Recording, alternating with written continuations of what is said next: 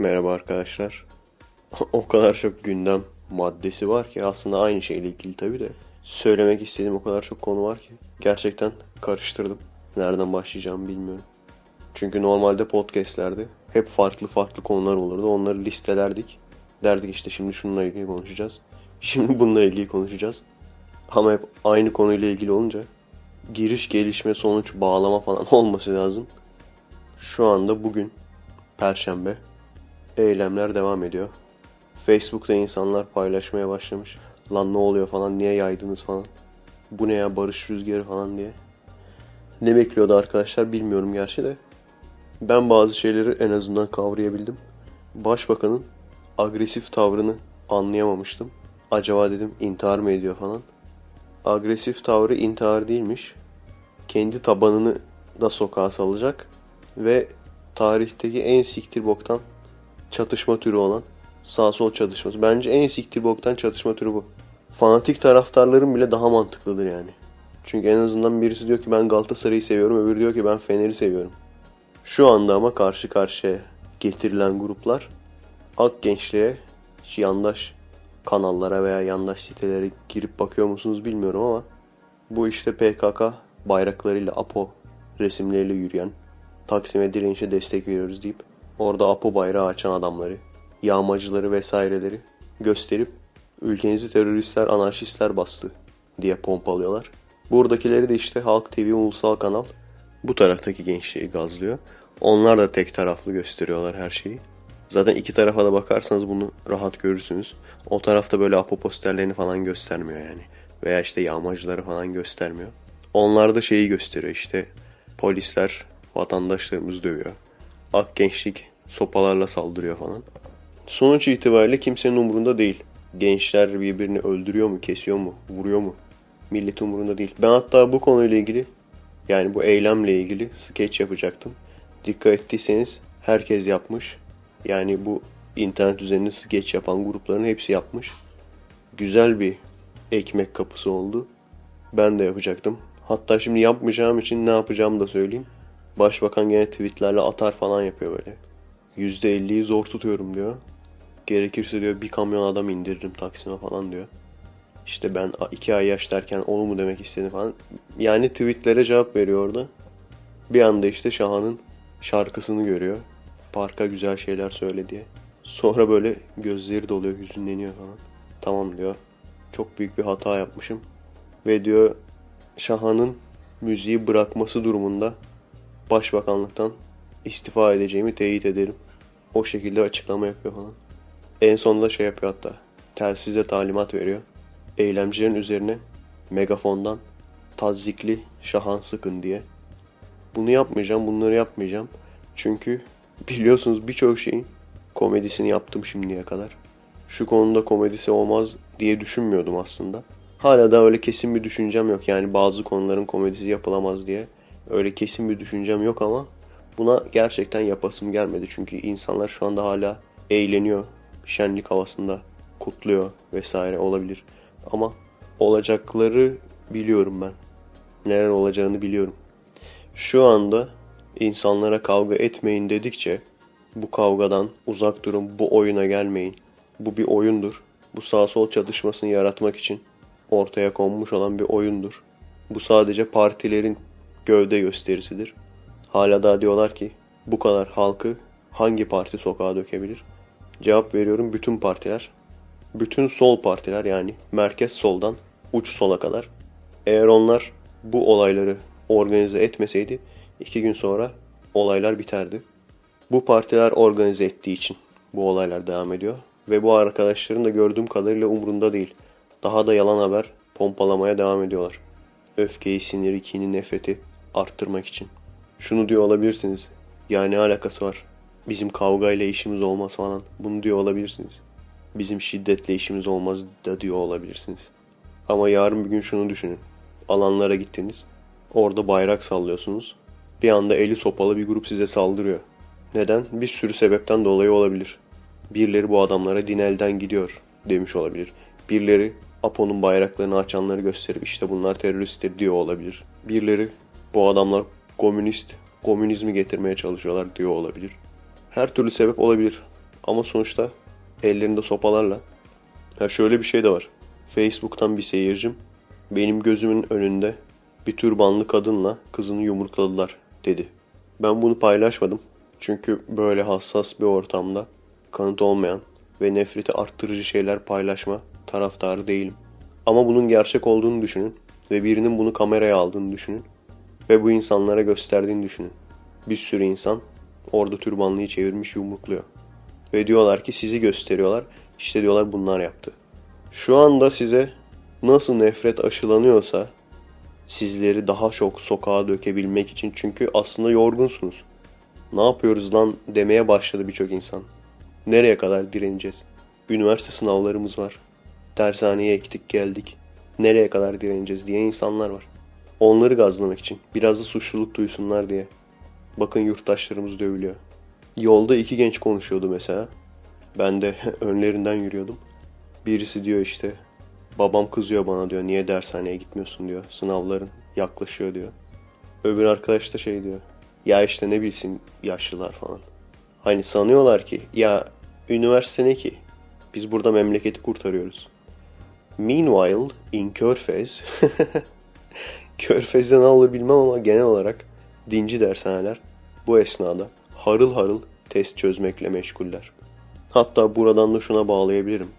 Benim o haydi durmayın niye öyle gevşediniz barış marış bunlar hikaye şimdi durursak her şey boşa gider falan diye insanları gazlayan arkadaşlarım. Birebir tanıdığım için ve çok uzun süreden beri tanıdığım için ne olacağını söyleyeyim. Bir ay sonra bunun muhabbetini bir elde bira, bir elde çerez, deniz kenarında hatunlarla bunun muhabbetini yapacaklar. Neden olmadı işte şu sebepten dolayı olmadı, bu sebepten dolayı olmadı falan diye. İşte sebep aslında bu. Senin bir fotoğrafını çekeyim o fotoğrafı eline vereyim işte sebep bu. Çünkü sen bunları yaparken herifler hala da test çözmeye, birbirlerini kayırmaya, şifre, o bu, kadro derken adım adım adım her yere ele geçirmeye devam ediyorlar. Çünkü ülke böyle ele geçer. Çok ilginç insanlar ne kadar değişmiş. Diyorum ya bazı arkadaşları bu kadar böyle en çok bağıran, en çok öncülük yapan böyle haydi durmayın falan diye. Bazı arkadaşları çok senelerdir tanıdığım için bana garip geliyor. Bir anım vardır mesela. Daha önce size anlattım mı hatırlamıyorum. Sanırım anlatmadım. Bundan 15-16 sene önce yani ben bir genç iken 16-17 yaşlarında futbol oynadığımız bir sahamız vardı. Toprak saha. En büyük keyfimiz oydu. Çünkü gün içinde ne olursa olsun işte saat 7 oldu mu orada buluşurduk. Farklı yerlerden gelip. Orada futbolumuzu oynardık, sporumuzu yapardık. Bu parkın direklerini söküldüğünü gördük. Tabi direk olmayınca maç da olmuyor. Bir iki gün böyle maç olmadan geçti. Sonra dedik bir şeyler yapmak lazım. Gittim arkadaşlara söyledim. Bu arkadaşlar vardı işte. Dedim arkadaşlar ben izini aldım. Direklerin de nerede olduğunu gördüm. O direkleri gidip alacağız. Orada şey yapmışlar. Otları motları temizlerken direkleri de sökmüşler. Almışlar uzak bayağı uzak bir yere koymuşlar. O direkleri alacağız. Kazacağız. Direkleri yerine koyacağız. Altı da betondu direklerin o yüzden bayağı ağırdı. Ve oynamaya devam edeceğiz. Tamam arkadaşım dediler. Şu oyun bitsin geliyoruz. Gittim geldim yarım saat. Bir saat şu oyun bitsin geliyoruz. Şu oyun bitsin geliyoruz. Sonuç itibariyle gelmediler. Gittim. Direkleri aldım. Taşıdım. Yoldan geçen arkadaşlar yardım ettiler. Sonra gittiler. Başka arkadaş geldi yardım etti gitti. Sonuç itibariyle çoğu zaman tek kişi olarak o çukurların hepsini güneşin alnında kazdım. O direkleri tek tek yerleştirdim. Bu esnada bu arkadaşların oradan yanımdan geçtiğini de gördüm. Yardım etmediler tabii ve yardım etmedikleri gibi bir de dalga geçtiler o ameleme oldum falan diye. Ben gene kulak asmadım çünkü bitirmek istediğim bir iş vardı. Gene tek başıma devam ettim. Gene ara ara bazı insanlar geldi tuttular muttular. Bir şey yaptılar gittiler. Yani başka bir deyişle şu anki Convex Eleven gibi. Ve o işi bitirdim. Bitirdikten sonra tabii gelip oynadılar. Sağ olsunlar. O kadarına üşenmediler. Şu anda o kadarına da üşeniyorlar. Gelip oynamaya da üşeniyorlar da. Sonuç itibariyle bu Facebook'ta paylaşımları görünce anladım ki şu son oyun bitmiş sonunda. Şu son oyun bitmiş ama biraz geç bitmiş. Bir 15 sene geç bitmiş yani. İşte neden dincilerin elinde ülke? Sebep budur. Çünkü bu arkadaşlar kelimenin gerçek anlamıyla sikinin keyfindeyken hani mecazi anlam değil yani. kelimenin gerçek anlamıyla sikinin keyfindeyken Ak Gençlik 7 gün 24 saat tık tık tık tık ilerledi ve ülkeyi ele geçirdi. Atatürk'ün yurdu düşmanlardan o kadar imkansız şartlar altında nasıl kurtardığını merak ediyorsanız tarih kitaplarına fazla bakmayın. Nutuk'a bakın. Çünkü tarih kitaplarına bakacak olursanız işte Atatürk geldi işte şey gibi Matrix gibi tak tak tak vurdu herkesi orduları yönetti sürdü indirdi bitti. Peki nasıl oldu bu iş? Kimi diyor iman gücüyle kimi diyor bilmem neyle. Nutuk açıp okursanız bunu görürsünüz nasıl, nasıl olduğunu. O kalın kitap boyunca kimlere gizli kriptolu telgraf çekmiş devamlı. Oraya kriptolu telgraf bütün ülkeyi gizliden organize ediyor. Tek tek uğraşarak orduları topluyor. Samsun'a giderken bile hala da padişahın adamı gibi, padişahın adamı kılığında gidiyor. Samsun'a gidene kadar. Daha sonra milleti organize ediyor. Daha sonra fırsatını bulduğu zaman padişahı deviriyor, meclisi kuruyor. Yani bu upuzun bir olaydır. Yumurta kapıya dayanana kadar sen sikinin keyfinde oturursan, bir şeyler yapmaya çalışan insanlarla dalga geçersen, ondan sonra da zamanı gelir kendin dalga geçirecek duruma düşersin. Mesela bunu söyleyen arkadaş, mesela sizler şunu düşünüyorsunuz değil mi? Lan işime gidemiyorum veya gideceğim geleceğim aşırı yoruluyor. Daha ne kadar sürecek bu? Veya ders çalışmam lazım çalışamıyorum. Daha ne kadar sürecek bu? Sizi böyle gazlayan insanlar sizi bu şekilde sen işte duyarsız mısın bak burada memleketi kurtarıyoruz diyen insanlar ben gene tanıdıklarımı söylüyorum. Siz onlarla boy ölçüşemezsiniz. Onların performansına yetişemezsiniz. Çünkü bu arkadaşlar benim yaşımda olmalarına rağmen bir üniversiteye kaydını yaptırmışlar. Sorulduğu zaman ne iş yapıyorsun öğrenciyim. Başka herhangi bir iş yok. Çünkü zaten zengin. Bir zenginlikleri var yani. Bu tür insanlar. Şimdi bunlarla nasıl boy ölçüşeceksiniz siz? Bunların performansına nasıl yetişeceksiniz? Yani bu arkadaş şu anda alanda olmasa zaten kafede bira içiyor olacak. Ki tepkisinin en büyük sebebi büyük ihtimalle biranın yasaklanması. Veya bu arkadaş tutuklansa ne olacak? İçeri atılsa ne olacak? Çıkacak gene biraya çereze devam edecek. Ama senin düşün. Yarın bir gün bu kavgaların içine çekildiğini düşün. Diyorum ya hiç niyetin olmasa bile öyle bir çekerler ki seni orada. Gerçekten çok dikkatli olmak zorundasın. Filanca yerde yurttaşlarımızı dövüyor polisler. Filanca yerde AK Partililer sopayla işte vatandaşlarımızı sopalıyor. Deseler ne yapacaksın? Mesela o esnada ne yapacaksın? Hmm, bu olayın derinliğini düşüneyim falan. Böyle bir şey diyecek misin? Diyebilir misin? O kadar insanın arasında. Yoksa seve seve herkesle birlikte sen de gidecek misin? Veya gittiğin yerde bina yaktılar. Millet de alkışlıyor falan. Seyrediyor falan. Ama Allahu Ekber demiyorlar. Allahu Ekber demeyince demokratik hak. Arada fark var yani. Allahu Ekber demeden bina yakınca o zaman demokratik hak. Yanlış olmasın. Polis geliyor, hepinizi gözaltına alıyor. Ki böyle olaylar yaşandı. Ve bunu siciline işliyorlar. Sonra sen iki sene sonra üniversiteden mezun oluyorsun. Çok iyi bir mühendis oluyorsun. Almanya'da bilmem ne fabrikasında işte sallıyorum boş boş bilmem ne fabrikasında iş buluyorsun. CV'ni de çok beğeniyorlar. Sonra diyorlar ki sabıka kaydınız nasıl temiz mi? İşte bir tane bir suç işlendi falan. Ne, nedir o suç? Kundakçılık. Nasıl yani? Siz şimdi kundakçılık mı yaptınız? Yok yok ben yapmadım. Ben orada duruyordum. Bizim PKK'lı arkadaşlar yaptı. Hmm. E vizeyi aldın mı? Aldınız aldınız. Şöyle bir geçin. Geçin biz vizeyi vereceğiz. Hans var burada. O verecek size vizeyi. Ülkeyi geri kazanmanın yolu. Siz onların üzerine çıkacaksınız. Yükselerek. Tek yol budur.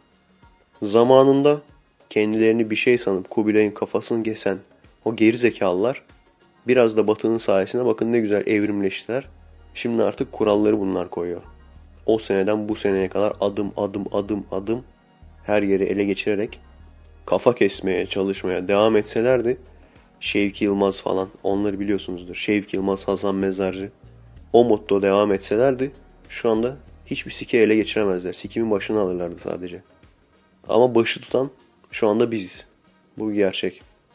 Ve çok ilginçtir ki bu kavga olmasın diyen bir tek ben varım galiba. Bekir Coşkun da dolaylı olarak yazmaya çalışmış. İşte o şey demiş. tebrik ediyorum işte çok güzel direndiniz falan ama işte biliyorsunuz demokratik yollarla seçimle olur böyle şeyler falan. Hani o biraz yumuşatarak söylemiş. Tepki gelmesin diye fazla. Bu çatışma çıkmasın, bu kavga çıkmasın. Sağ sol gençler bunlara gazı verip insanları birbirinin üzerine salmasınlar. Dediğim için gene faşist mi oldum? Çok ilginç lan. E diyorum ya sağ sol kavgası dünyanın en salakça kavgası. Çünkü sağ taraf diyor ki biz Türkiye'yi kurtarmak için savaşıyoruz. Sol taraf diyor ki biz Türkiye'yi kurtarmak için savaşıyoruz. Bu olaylar olacak. Eğer bir şekilde durdurulmazsa özellikle Kemalistlerin aklı başına gelip ulan biz ne yapıyoruz? Biz daha bu senenin başında terör lanet mitingi yapmadık mı anasını satayım. Şimdi şimdi APO bayrağı açan adamların arkasında gidiyoruz. Biz daha yeni 19 Mayıs, 29 Ekim bu yürüyüşleri yapmak için gaz yemedik mi, job yemedik mi? Biz İzmir'de yemedik gerçi de. Biz atlı polislerle fotoğraf çektirdik. İzmir olmanın avantajı. Biz bunları yaptık. Şimdi kimsenin askerleri değiliz diye pankart açan adamların arkasından gidiyoruz. Biz bu kadar düştük mü? Biz bu kadar alçalmak zorunda kaldık mı? Biz ne oluyoruz? Deyip de akılları başlarına gelip de bu kavgaya girmekten vazgeçmezlerse bu sağ sol çatışması yaşanacak. Yaşandıktan sonra, yaşanmaya başladıktan sonra, kan dökülmeye başladıktan sonra o zaman duyarlı sanatçılar, şimdiye kadar gazı veren duyarlı sanatçılar bu sefer de kan dökülmesin, barış olsun, çiçek olsun bunu demeye başlayacaklar. Gençleri sağdan soldan körükleyen basın bu olaydan 5 sene 10 sene sonra ne diyecek? Sağ sol görüşlü fidanlar bilmem ne gençlerimizi birbirine... Ulan kırdıran sensin zaten göt. Gençleri birbirine kırdıran sensin zaten. Dallama. Bunu yap yaptıktan sonra gençlerimiz birbirine farklı görüşteki gençlerimiz. Bu olaylar ilk başladığında Yılmaz Özdil iki günlüğüne tatile gidiyorum demiş. Bana iki gün izin verin demiş. Olay tabi şey eşinin ameliyatı varmış. Ona gidiyormuş. Ama okuyucuları acayip sinirlenmiş, atarlanmış. Bütün mesajları paylaştı. Gerçekten yüze yakın mesaj paylaştı. Sen de satılmışsın, bundan sonra seni okumayacağım bilmem ne, sen de yandaşsın. Tayyip'in yalakası falan. Her şeyin yalanmış falan. Bilmeden bir anda ne aklıma geldi biliyor musunuz? Gözümün önüne ne geldi? Hani uç sol örgütlerden herhangi birine dahil falan hani onlardan birisi değil politikayla da alakası olmayan birisi Facebook'tan görmüş. Hadi iniyoruz alanlara memleketi kurtarıyoruz diye inmiş. Orada camı çerçeveyi millet indiriyor. Camı çerçeveyi indirenleri bunlar alkışlıyor. İşte o alkışlayan onlar aklına geldi. Büyük ihtimalle yazanlar da onlar. Ben size diyorum ya. Benim için ateist gençliğin kalesi diyorlar. Reddediyorum, kabul etmiyorum. Benim için Kemalist gençliğin kalesi diyorlar. Kesinlikle reddediyorum kabul etmiyorum. Ben şimdiye kadar hangi görüşten olursa olsun mallık belirtisi gösteren insanları genelde silerim. Bazen haklı olabilir, bazen haksız olabilir. Haksız olarak sildiklerime özür dilerim. Çok da fazla şey yapmayın. Şüphe uyandırıcı hareketler yapmayın. Bunun sebebi nedir? Bunun sebebi kendimi koruma mekanizması. Şu anda mesela bu söylediklerim çok çok uç şeyler söyleyebiliyorum herkesin söylediğine sağ, sağda solda bir şey söylüyor. Ben hepsinin söylediğine ters bir şeyler söylüyorum. Hepsine ters yani. Buna rağmen en fazla 3-4 kişi atarlanıyor. Eğer ben zamanında bu insanları silmiş olmasaydım şu anda 30-40 kişi olacaktı. Bu sebepten dolayı. Yani bugün bunu söyleyen yarın gerçekten önemli bir konu olduğu zaman neler söyler? Düşüncesiyle yapıyorum bu hareketi. Ve çok ilginç bir şekilde şunu da fark ettim. Ben bu podcastleri yapınca birkaç tane de AKP'li takipçim olduğunu fark ettim. Bayağı profilden takip eden yani. Hani sırf böyle komedi videolarını değil de 2-3 tane de AKP'li takipçim olduğunu fark ettim. Ben AKP'liyim ama sözlerine saygı duyuyorum diyen arkadaşlar. Demek ki bir şeyleri başarmışım. Demek ki benim gibi düşünmeyen insanların beynine tek tük de olsa girebilmeyi başarmışım. Amaç zaten bu. Benim amacım hep buydu yani bizim gibi düşünen insanlar oh biz ne kadar haklıyız falan demek yerine bizim gibi düşünmeyen insanların da en azından bunların içinde düşünme kapasitesi olan arkadaşların dinleyip de beyinlerinde bir şeyler oluşturabilmek. Yoksa bana ne abi? Sadece adının başına TC yazınca milliyetçi oldum diyen Kezban'dan bana ne yani? TC Kezban'dan bana ne? Bize de Yılmaz Özdil'in söylediği sözlerden bana da ters gelen sözler oluyor. Ben her ne kadar sevsem de kendisini kafamda şöyle bir kural vardı. Hiç kimseye idol, reis, işte adam bu. Hiç kimseye demeyeceğim bunu. Ne kadar fikirleri benimle örtüşürse örtüşsün. En son Kur'an'la ilgili. İşte Kur'an Türkçeleştirildiği için biz bak ne güzel okuyup anlayabiliyoruz. Onun işte hidayetine erebiliyoruz falan diye. Hani biraz tribünlere oynama sezdim yani. Ama gene de çıkıp bir şey demedim. Ne oldu? Biraz şey aldım. Rölantiye aldım. Bakalım neler diyecek başka. Gene ters konuşursa okumayı bırakırım. Paylaşmayı bırakırım. Olur biter. Ama şöyle seyirci, şöyle takipçi zaten ben istemiyorum ki. Bir tane sözlerine ters gelen bir şey söyledim. Hemen şimdiye kadar seni takip ediyordum ama işte lanet olsun bir daha artık takip etmeyeceğim seni falan. Böyle insan zaten işim yok ki. Bunlarla zaten işim yok ki. Düşüncesine ters gelen ilk laf söylediğim zaman bırakıp gidecek. Siz de aynı şekilde arkadaşlar. Hiç kimseye böyle reis, idol bilmem ne bu şekilde davranmayın. Davranırsanız hayatınız boyunca sonsuz hayal kırıklığına uğrarsınız. Çünkü öyle bir insan yok yani. Ben de Efe Aydol olarak ne işte ateistlerin bilmem ne temsilcisiyim diyorum. Ne Kemalist gençliğin temsilcisiyim diyorum. Ne de ateist Kemalist gençliğin temsilcisiyim diyorum. Hayır. Ben Efe Aydal'ın temsilcisiyim. Kefil olduğum tek grup, takdir ettiğim bazı gruplar var. Ama yarın bir gün altlarından bir şey çıkarsa işte bazı Kemalist gençlik grupları falan var. Çalışmalarını her ne kadar takdir etsem de yarın bir şey çıkarsa sorumluluk kabul etmem. Kefil olduğum tek bir kurum var. Efe Aydal kurumu. Bak ona kefilim yani. yarın bir gün altımdan bir şey çıkarsa ona sorumluluk kabul ediyorum yani. ben yapmadım alt gruplarım yaptı falan demeyeceğim yani merak etmeyin. Bazı yasama organlarım benden habersiz hareket etmiş. Şu Rize'de de AKP'liler Atatürkçü Düşünce Derneği'ni mi etrafını sarmışlar. Sopalarla mapalarla. Şimdi o olaydan sonra da Karadeniz'de bir televizyon programını paylaşmış arkadaşlar.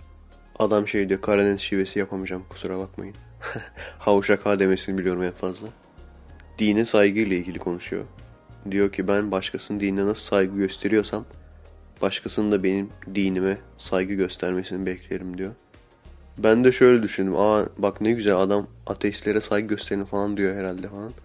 Veya işte dinime saygı gösterilmesini beklerim derken hani işte namaz kılmam engellenmesin falan. Veya oruç tutmamı engellemeye çalışmasınlar falan. Sonra olayın geri kalanı Karadeniz fıkrası gibi dinine saygı demekle neyi kastettiğini anlamış oluyoruz. Diyor ki ben oruç tuttuğum zaman diyor sen tutmak zorunda değilsin ama ben sokakta yürürken sen sokakta sigara içemezsin benim karşımda diyor. Saygı göstereceksin. Bastıra bastıra söyle böyle. Saygı göstereceksin. Sonra diyor işte ben ailemle sokakta gezerken sen öyle sevgilinle öpüşme öpüşme hareketi yapamazsın. Benim aileme saygı göstereceksin. Evet dine saygı anlayışını bu arkadaşların zihniyetini çok güzel anlatmış bence. Hani ateistsen dine saygı göster diyorsunuz ya. Nasıl olacak o iş abi? Oturduğumuz yerden çünkü saygısız oluyor. Bak oturduğumuz yerden saygısız oluyoruz. Ben olayın devamını, geri kalanını seyretmedim ama büyük ihtimal şey falan diyecektir. Ezan okunurken Walkman dinlemeyeceksin. Olayı hiçbir şekilde anlamış değilim. Yüksek sesli müziği bile bir yere kadar anlarım ama Walkman dinlemeyin saygısızlık olarak kabul eden gören insanı var çünkü onu biliyorum. Bunu ama hiçbir şekilde mantığını anlamış değilim. Mesela bu arkadaşa desen o zaman benim dinimde hiç uydurma bir din söylemene gerek yok. Var olan dinlerden bir tane söyle. Hristiyanlık de mesela. Benim dinim de Hristiyanlık diyeceksin. Biz çan çaldığı zaman burada ayağa kalkar ve sessiz oluruz. Sen de ne zaman çan çalınıyorsa ayağa kalkıp sessiz olacaksın. Olacaksın. Bizim dini yiyeceğimiz domuz etidir. Sizin kasabınızın hemen yanına bir tane domuz eti satan kasap açacağız. Biz de gidip oradan domuz eti alışveriş yapacağız. Vitrine falan koyacağız böyle domuzu. Saygı değil mi? Çoğu yerde yaparsın sorun olmaz. İzmir'de falan yaparsın çok fazla. Başın ağrımayabilir. Bazı yerlerde yırtabilirsin. Ama bu konuşan adamın mahallesinde yap. Şimdi de bu Rize'deki yaşanan olaylardan, bu adamın konuşmalarından falan şimdi de Karadenizlilere, Rizelilere karşı nefret beslenmeye başladı. Askerliğin faydalarından bir tanesi. Bir sürü faydası var bak. Her gün küfür ediyorsunuz ama tezkereyi aldıktan sonra faydalarını görüyorsunuz. Türkiye'nin her yerinden gerçekten rastgele olarak 33 kişi aynı yerdesin. Ve aynı yerde aynı koğuşta yatıyorsun kalkıyorsun. Samsunlu bir arkadaş vardı onu hatırlıyorum. Giresunlu bir arkadaş vardı. Trabzonlu vardı, Rizeli vardı. Ağrılı. Ağrı'da bildiğin dağdaki çoban derler ya öyle bir arkadaş vardı. Adam Türkçeyi bilmiyor, konuşamıyor doğru düzgün. Okuma yazmayı ben öğretmiştim falan. Karslı vardı, Adıyamanlı vardı. Yani önce Kürtçe bilip sonradan Türkçe öğrenen bir sürü insan vardı. Tokatlı, Sivaslı, Konyalı bir sürü vardı zaten. Ankara, İstanbul, İzmir vardı, Manisa bilmem ne. Hani gidince şunu diyorsun lan diyorsun. Aa Tokat'ta da yaşayan insan varmış ya. Adam diyor ki Tokatlıyım. Nerede oturuyorsun diyorum. Tokat'ta oturuyorum diyor. Aa harbi lan Tokat'ta da insan yaşıyor. Şimdi ben bunu deyince siz de düşündünüz değil mi? Aa harbi lan Tokat'ta da insan yaşıyor. Yaşıyor tabi.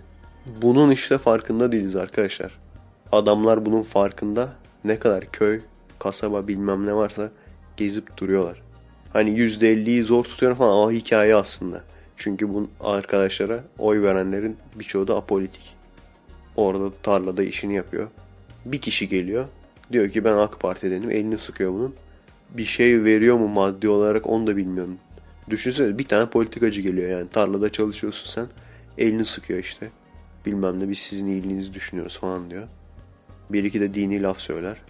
Tamam e, daha başka bir şeye gerek yok ki zaten. %50 sokağa inermiş ha. Ha kaos yaratacak kadar çok insan iner. O ayrı mesele de. Burada doğmuş ve burada yaşayan biri olarak ve düşünen biri olarak işiniz ne kadar zor. Fark ediyorsunuz değil mi arkadaşlar? Bakın önce ne vardı? Terör. Terör korkusu vardı. İşte sokağa çıkamazdık. Bomba oraya bomba atma atarlar. İşte şu AVM'yi yakmışlar. Bu otobüsü bombalamışlar. Bunun korkusu vardı. Bir de bunun korkusu ile birlikte herhangi bir şey söylediğin zaman bir de faşist olman var. Bu terörle ilgili herhangi bir şey söylediğin zaman faşist olma durumun var.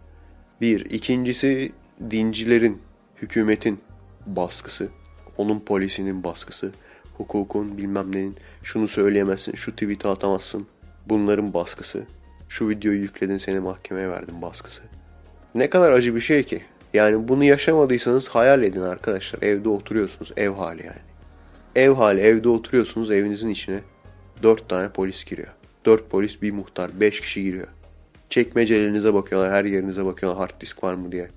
Özel eşyalarınıza bakıyorlar. Hard diskinizdeki her şeyi kontrol ediyorlar. Bakıyorlar. Tek tek soruyorlar. Benim propları sordular. Bu ne gerçek silah mı oyuncak silah mı bilmem ne. Hepsini açıklıyorsun falan. Şu evinizdeki eşyalara bir bakın arkadaşlar. O koltuklara oturuyorlar. O çekmeceleri karıştırıyorlar. Ne yapmışsınız ki? Birini mi dövmüşsünüz? Ne yapmışsınız? Cinayet mi işlemişsiniz? Sana 11 Eylül saldırısı yapan katil diyen adama yalancı demişsin. Suçun bu yani. Bu ikinci baskı. Şimdi bir de üçüncü taraftan baskı. Bir de sol partilerden artık baskı var. Sokağa ineceksin. Vatanını seviyorsan sokağa ineceksin. İn işte hükümeti istifa ettireceğiz. Ne güzel başbakan da gerilimi hiç azaltmaya çalışmıyor. Aslında şu an istese şu anda bile şu durumda bile olayları yatıştırabilir. Bir ters takla atar, bir salto bir perende. Her yapamıyorsan ver bir jetona geçeyim. Liseliler bilmez bu lafı. Yapamıyorsan başbakan söylüyorum ver bir jetona geçeyim. Ne yapacaksın mesela? Diyeceksin tamam siz kazandınız. Zafer sizindir. Zaten insanlar yorgun. İnsanlar biraz da artık inat ediyorlar yani. Hani bu, bu kadar jobu biz gazı biz boşa mı yedik? Düşüncesiyle biraz da inat ediyorlar yani. Onlara istedikleri bir şey vereceksin yani. Tamam siz kazandınız. Tamam Gezi Parkı'na dokunmayacağız falan. Zafer sizindir falan. Yazılı bilmem ne açıklama falan da yapabilirsin. Ha geçici çözüm mü? Geçici değil. Kalıcı. Çünkü bir dahaki sefere artık agresiflik yapmayacaksın. Bir şey yapacağın zaman düzgün üslubuyla yapacaksın. Bu kadar en azından artmayacak protestolar. Ha eğer yetinmeyiz derlerse Gezi Parkı'yla biz yetinmiyoruz işte sen hükümeti devir, devirmek istiyoruz derlerse o zaman da haklı sen çıkarsın. O zaman da dersin ki bakın arkadaşlar işte olay Gezi Parkı değilmiş demek ki. Bu insanlar hükümeti devirmeye çalışıyorlar falan. Yatıştıracak, ortalığı yatıştıracak hiçbir şey yapmıyorsun. Biraz da inat ediyorsun. Gerçekten bu olayın perde arkasını bilmiyorum. Olacakları biliyorum ama perde arkasını bilmiyorum. Amerika bunları yalnız mı bıraktı acaba? Amerika bunları yalnız bıraktı. Bu da kendi tabanına güveniyor şimdi. Desteğim yok ama en azından tabanım var. Tabanımı kullanarak bir şeyler yapmaya çalışayım. Belki özü olarak söylediler. Bir çatışma çıkartın diye. Bilemeyiz. Evet arkadaşlar. Aslında çok konu var. Evrimle ilgili bir sürü güzel şey anlatacaktım. Evrimin kanıtları vesaire. Büyük ihtimalle daha önce duymamış olduğunuz başka birkaç tane daha konu vardı. Hiç onlara girmek istemiyorum. Bu olaylar yatışana kadar yatışırsa o zaman devam ederiz. Ne olursa olsun kim olduğunuzu unutmayın arkadaşlar. Ne olduğunuzu unutmayın, kimliğinizi unutmayın. Neden AKP'ye karşı olduğunuzu, AKP'ye karşı olmanızın en büyük sebebini unutmayın. PKK ile masaya oturup özellik vesaire bunun pazarlığını yapmak, Apo'yu salma pazarlığını yapmak, bardağı taşıyan damlanın bu olduğunu unutmayın. Şimdi bunu protesto etmek için AKP'nin PKK ile masaya oturmasını protesto etmek için gidip de APO bayrağı, APO posteri açan adamlarla birlikte eyleme katılırsanız o zaman hiç ilerleme kaydedememişiz demektir. Kendinize iyi bakın arkadaşlar. Bir sonraki podcast'te görüşmek üzere.